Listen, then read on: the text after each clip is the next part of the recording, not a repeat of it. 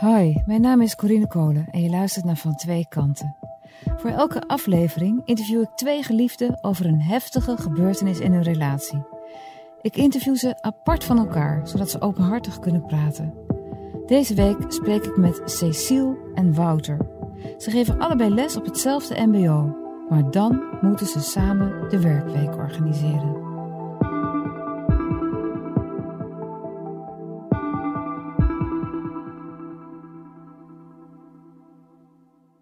Ik was te laat. Ik kwam met de klas gerend. We hadden een afspraak in een lokaal. Daar eh, zouden we kennis maken en de werkweek eh, gaan doornemen. Nou, daar kwamen we niet toe. Ehm, we bleven hangen bij uh, zijn gezin en mijn gezin.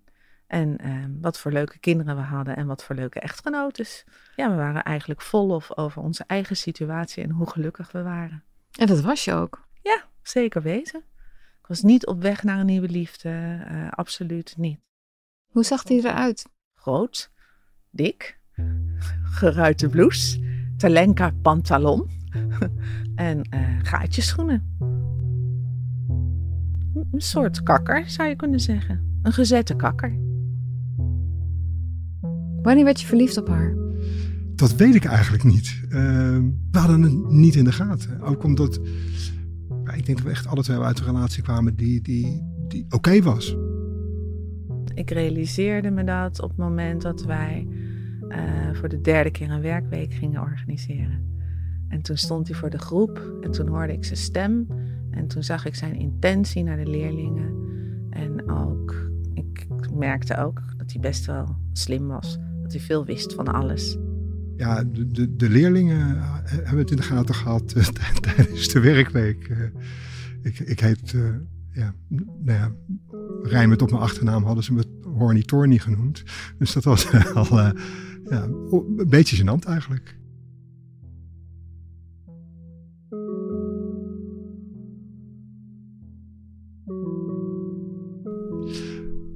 Mijn ouders zijn gescheiden. En de scheiding van mijn ouders is, is het drama in mijn leven. Echt, dat, dat, dat, dat, dat vond ik een heftig ding. Dus, en mijn ouders waren heel jong toen ik werd geboren, 21 en 23. Uh, dus ik had zoiets van, nou, dat moet ik gewoon niet doen. Ik, kinderen vanaf, niet, in ieder geval niet voor mijn dertigste. Dus ik heb mijn 31ste is onze oudste dochter geboren. Um, en ik denk van, nou, dan, dan ben ik wel een soort van uitgespeeld en dan weet ik het zeker. Dus ik had, dit was wat ik zeg maar echt, echt niet wilde. En, en wat, wat was, was ook dat mijn jongste dochter op dat moment eh, net zo oud was als ik toen mijn ouders uit elkaar gingen. Ik had een vrijbrief van mijn man gekregen. Die zei van ontdek het maar. Want ik had het thuis uh, aangegeven dat er wat met me aan de hand was. Maar ik eigenlijk uh, ja, niet zoveel mee wist wat ik ermee moest. En ja, Peter zei zoek het uit. Ik had uitgesproken in het lokaal dat ik hem echt heel erg leuk vond. En dat ik verliefd op hem was. Uh, en dat ik me eigenlijk geen raad wist uh, wat ik daarmee moest. En hij herkende het. En toen zijn we uh, samen naar Leiden gegaan. En toen hebben we gezegd, we gaan er een punt achter zetten. En dat hebben we toen gedaan. En toen, s'avonds, lagen we samen in de hotelkamer. Nadat we het hadden uitgemaakt.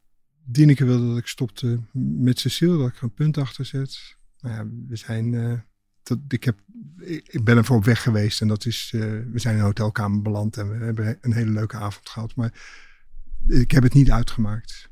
En ik heb op een gegeven moment tegen Dieneke gezegd, je, je kan niet opduwen, maar je, je, gaat het verliezen, weet je ik, Dan ga ik een andere keuze maken. Want wat gaf Cecile jou waardoor je dacht, ik kan hier niet omheen? Je kan toch altijd ergens omheen? Je kan toch altijd denken, ik wil dit niet? Nou, dan denk ik dat het simpele antwoord is, dat wilde ik niet. Er gebeurde gewoon te veel. Er gebeurde gewoon te veel tussen ons. In, in, in.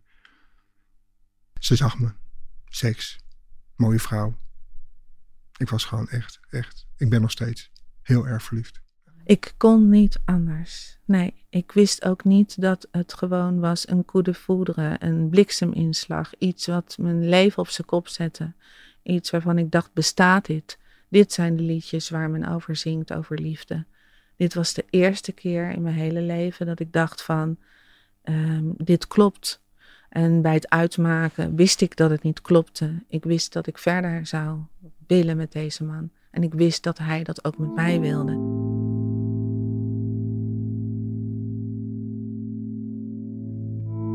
Hoe is dat, uh, hoe is dat gegaan? Grof. hoe? Grof. Grof. Ja. Kan het, kan het ook niet mooier maken dan het is. Uh, het was niet, uh, laat maar zeggen, een, een klein scheurtje en dan plakken we het weer aan elkaar. Het was gewoon een flinke scheur.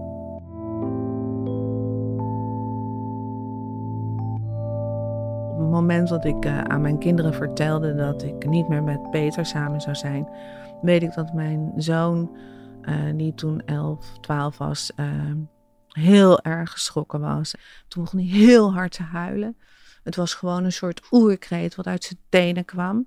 En voor mij, ehm, als ik het nu vertel, schiet ik weer vol. Ik vind ook echt, ja, die rode krullen met die sproeten en dat kind van elf, wat, ja, wat ik eigenlijk gewoon met liefde en aandacht in een veilige omgeving groot wilde brengen, kreeg te maken met een moeder die een ander pad koos. Ja, uh, mijn moeder was boos. Mijn moeder heeft. Uh, ik heb, ik weet niet hoeveel stiefvaders gehad in de der jaren. Uh, of mannen die dat in ieder geval zo'n soort rolletje hebben ingevuld. Dus ik was verbaasd over het feit dat ik dan ook een keer ging scheiden. Weet je, mag ik ook een keer. Dus ik, ik, ik snapte dat ook niet. Mijn vader was woest, ook een aantal vrouwen gehad. Maar ik denk nu, terugkijkend, ja, ze hebben geweten dat zo erg kloppen als dat het de eerste keer is, doet het nooit meer. Het wordt, het wordt nooit meer zo'n kloppend systeem. Het, het wordt altijd een systeem met rafels en scheuren waar je, waar je aan zou moeten werken om het plakkend en kloppend te krijgen allemaal. Uh, Wout is bij zijn partner weggegaan. En nou ja, als je dan in Den Haag woont, dan ga je in een kijkduinpark zitten als overbrugging, want er zitten alle gescheiden stellen. um, dan loop je daar ook overheen en dan denk je, ben, ben jij gescheiden of niet? Nou, meestal wel. En daar ging hij dus wonen voor twee, drie weken, denk ik. En toen ben ik daar elke avond naartoe gegaan en de nacht gebleven. En de ochtend heel vroeg opgestaan om mijn kinderen dan weer uit bed te halen en om daarna weer naar mijn werk te gaan hebben drie weken gedaan. En toen uh, zijn we in gesprek gegaan van joh, we gaan een volgende stap zetten. Uh, we gaan iets zoeken waar we samen kunnen wonen voorlopig. En dan gaan we van daaruit weer verder kijken. We woonden eigenlijk in het midden van uh, alle kinderen. Dus we woonden, nou ja, 15 minuutjes fietsen. zodat de kinderen makkelijk bij ons zouden kunnen komen en wij ook makkelijk bij de kinderen. Maar uh, ja, mijn dochter, ja, mijn zoon, ja, die had ik niet meer standaard bij me. Ja, we hebben tijdens een van die werkweken zijn we een keer tussen de middag samen gaan lunchen en een flesje wijn erbij en hebben het gecreëerd. Een huis met vijf kinderen. Hoe bedoel je, heb je het gecreëerd? Nou ja, in de zin dat je, we hebben, we hebben er met z'n twee over gesproken. Hoe zou het eruit zien en zouden we dat willen? En, en we hebben eigenlijk ja gezegd uiteindelijk hebben we afgesproken half om half. Dus de ene week vrijdag tot en met de woensdag en dan de andere week. Uh, dus de ene week met de, met de weekend erbij en de andere week met het weekend eraf. En zo, zo wisselde dat af. Ze waren altijd standaard vrijdagavond bij ons. Omschrijf eens hoe zo'n vrijdagavond verliep. Ja, Astrid die, eh, die reed toen op een scootertje en die gooide dan de helm in de gang. En uh, dan hadden we Irene, ook zo'n echte beauty, die al daar, nou ja, bij wijze van spreken, daar Carmen zetten, daar uh, de en tassen vol kleren. Dat was echt Irene. Jis, de jongste, die was altijd heel simpel, een plastic tas en daar zat het dan in. Ja, Samuel die kwam dan binnen en die liep dan gelijk door naar zijn kamer waar hij dan achter die computer ging. En Julie uh, met haar blauwe Eastpack zie ik nog voor me. Dus dat was dan ineens van een stil huis. Was het ineens een huis vol leven. Ook overal tassen en dingen en spullen. En dan gingen we zitten en dan gingen we eerste week doornemen. En ook zorgen dat je er, bent, ook, ook, ook, ook die tijd voor maken. Kinderen hebben wel eens verzucht, jullie zijn er ook altijd op vrijdagavond. Kun je niet een keertje er niet zijn? Ja, de feestjes die ze hadden.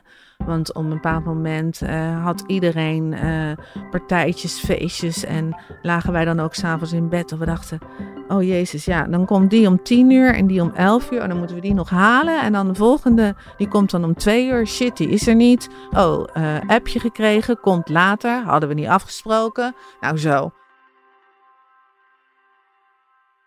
En hoe ga je daar dan vervolgens mee om? Hoe, hoe, hoe, wat voor rol heb jij dan in dat geheel?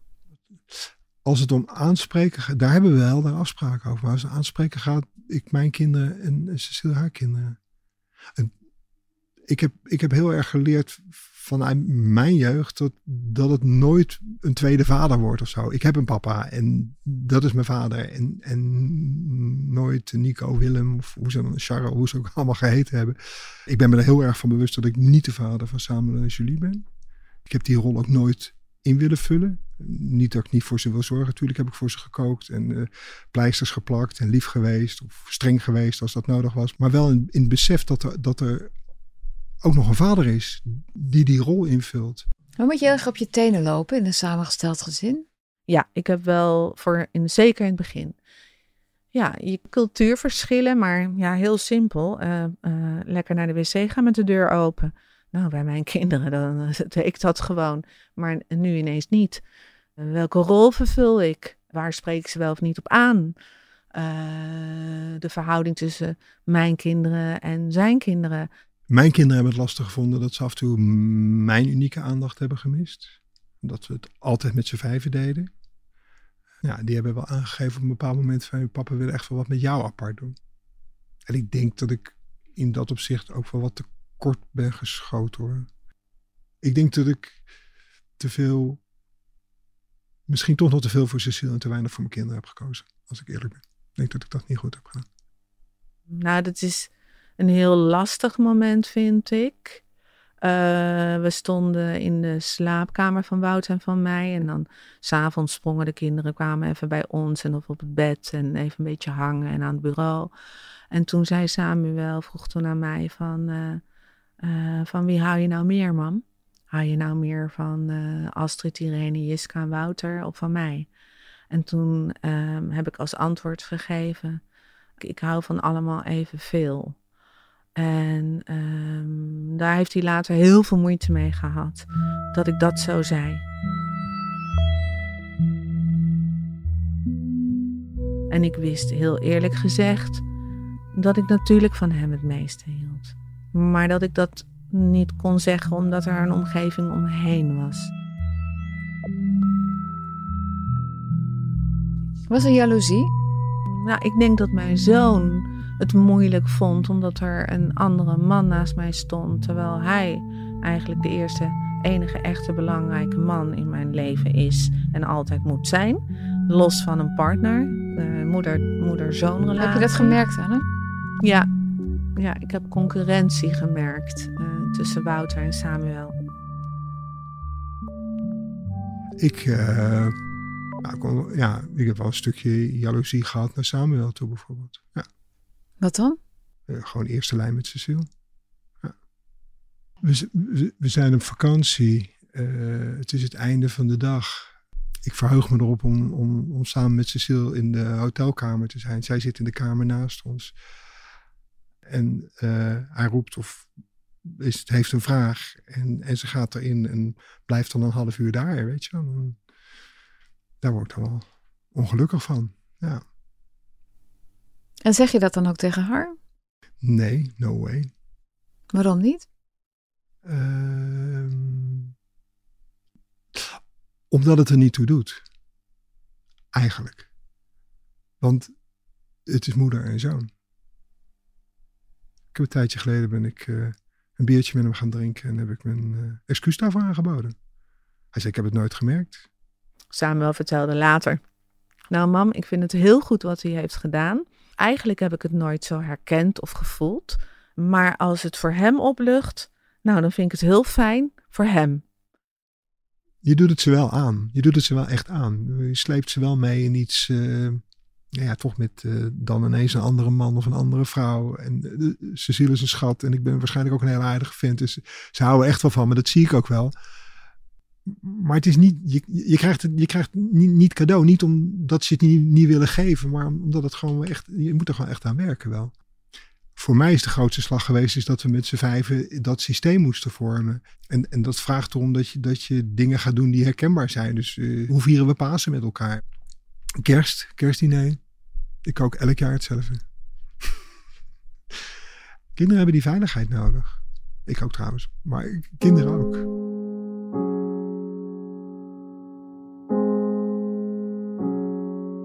En als de kinderen dus op zaterdagochtend bij ons weggingen, dan was het van uh, veel, veel tumult naar stilte. En dat vond ik altijd een lastig moment, omdat ik ook wist van, ik heb ze niet meer bij me. Ik kan niet s'avonds even in die nekjes ruiken. Ook, ook de gezelligheid met die hele meute. Uh, en dan de stilte. En aan de andere kant het verlangen om weer samen met Wouter te zijn. Om even echt weer als twee geliefden uh, het huis voor onszelf te hebben.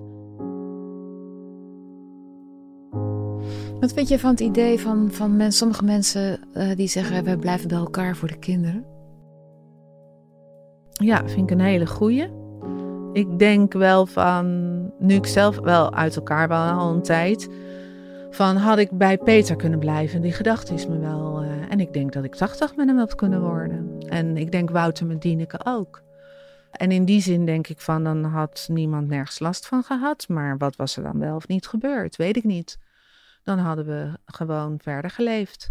En ik denk nu, Ehm, bij elkaar blijven voor de kinderen. Ik, ik, ik, ik had het graag gewild, maar ik, ik kon het gewoon niet, want mijn hart spatte uit elkaar. Um, en of dat beter is. Ja, ik weet het niet. Je hebt maar één leven. Um, ik woog 113 kilo toen ik Cecilia leerde kennen. Ik weeg 88 kilo nu. Um, ik denk dat ik fitter en gezonder ben. En dat heeft wel met echt geluk te maken.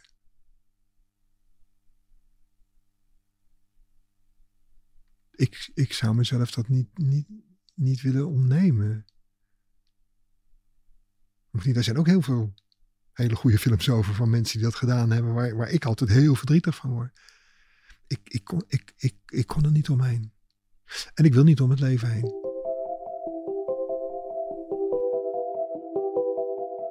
Wil je reageren op dit verhaal? Stuur me dan een mail op corine.kolen.volkskrant.nl of laat een recensie achter. En willen jij en je geliefde ook jullie verhalen vertellen? Dan kun je me ook mailen op hetzelfde adres. Dat mag een groot verhaal zijn, een klein verhaal. Ik ben overal in geïnteresseerd. Dankjewel. Mijn naam is Corine Kolen. Ik maak deze podcast samen met Simone Eleveld. En de eindredactie is van Corinne van Duin. De begin- en eindmuziek werd gemaakt door Lula 13. Bedankt voor het luisteren.